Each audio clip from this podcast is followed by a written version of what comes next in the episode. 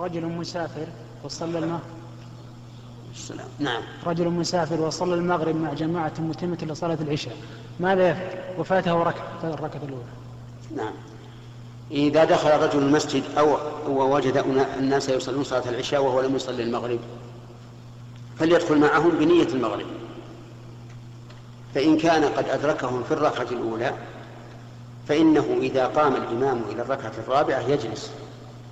ويتشهد ويسلم ويقوم مع الإمام فيما بقي من صلاة العشاء. وإن كان قد دخل معه في الركعة الثانية كما قلت فيسلم مع الإمام وتكون صلاة المغرب له. ثم يأتي بالعشاء بعد ذلك.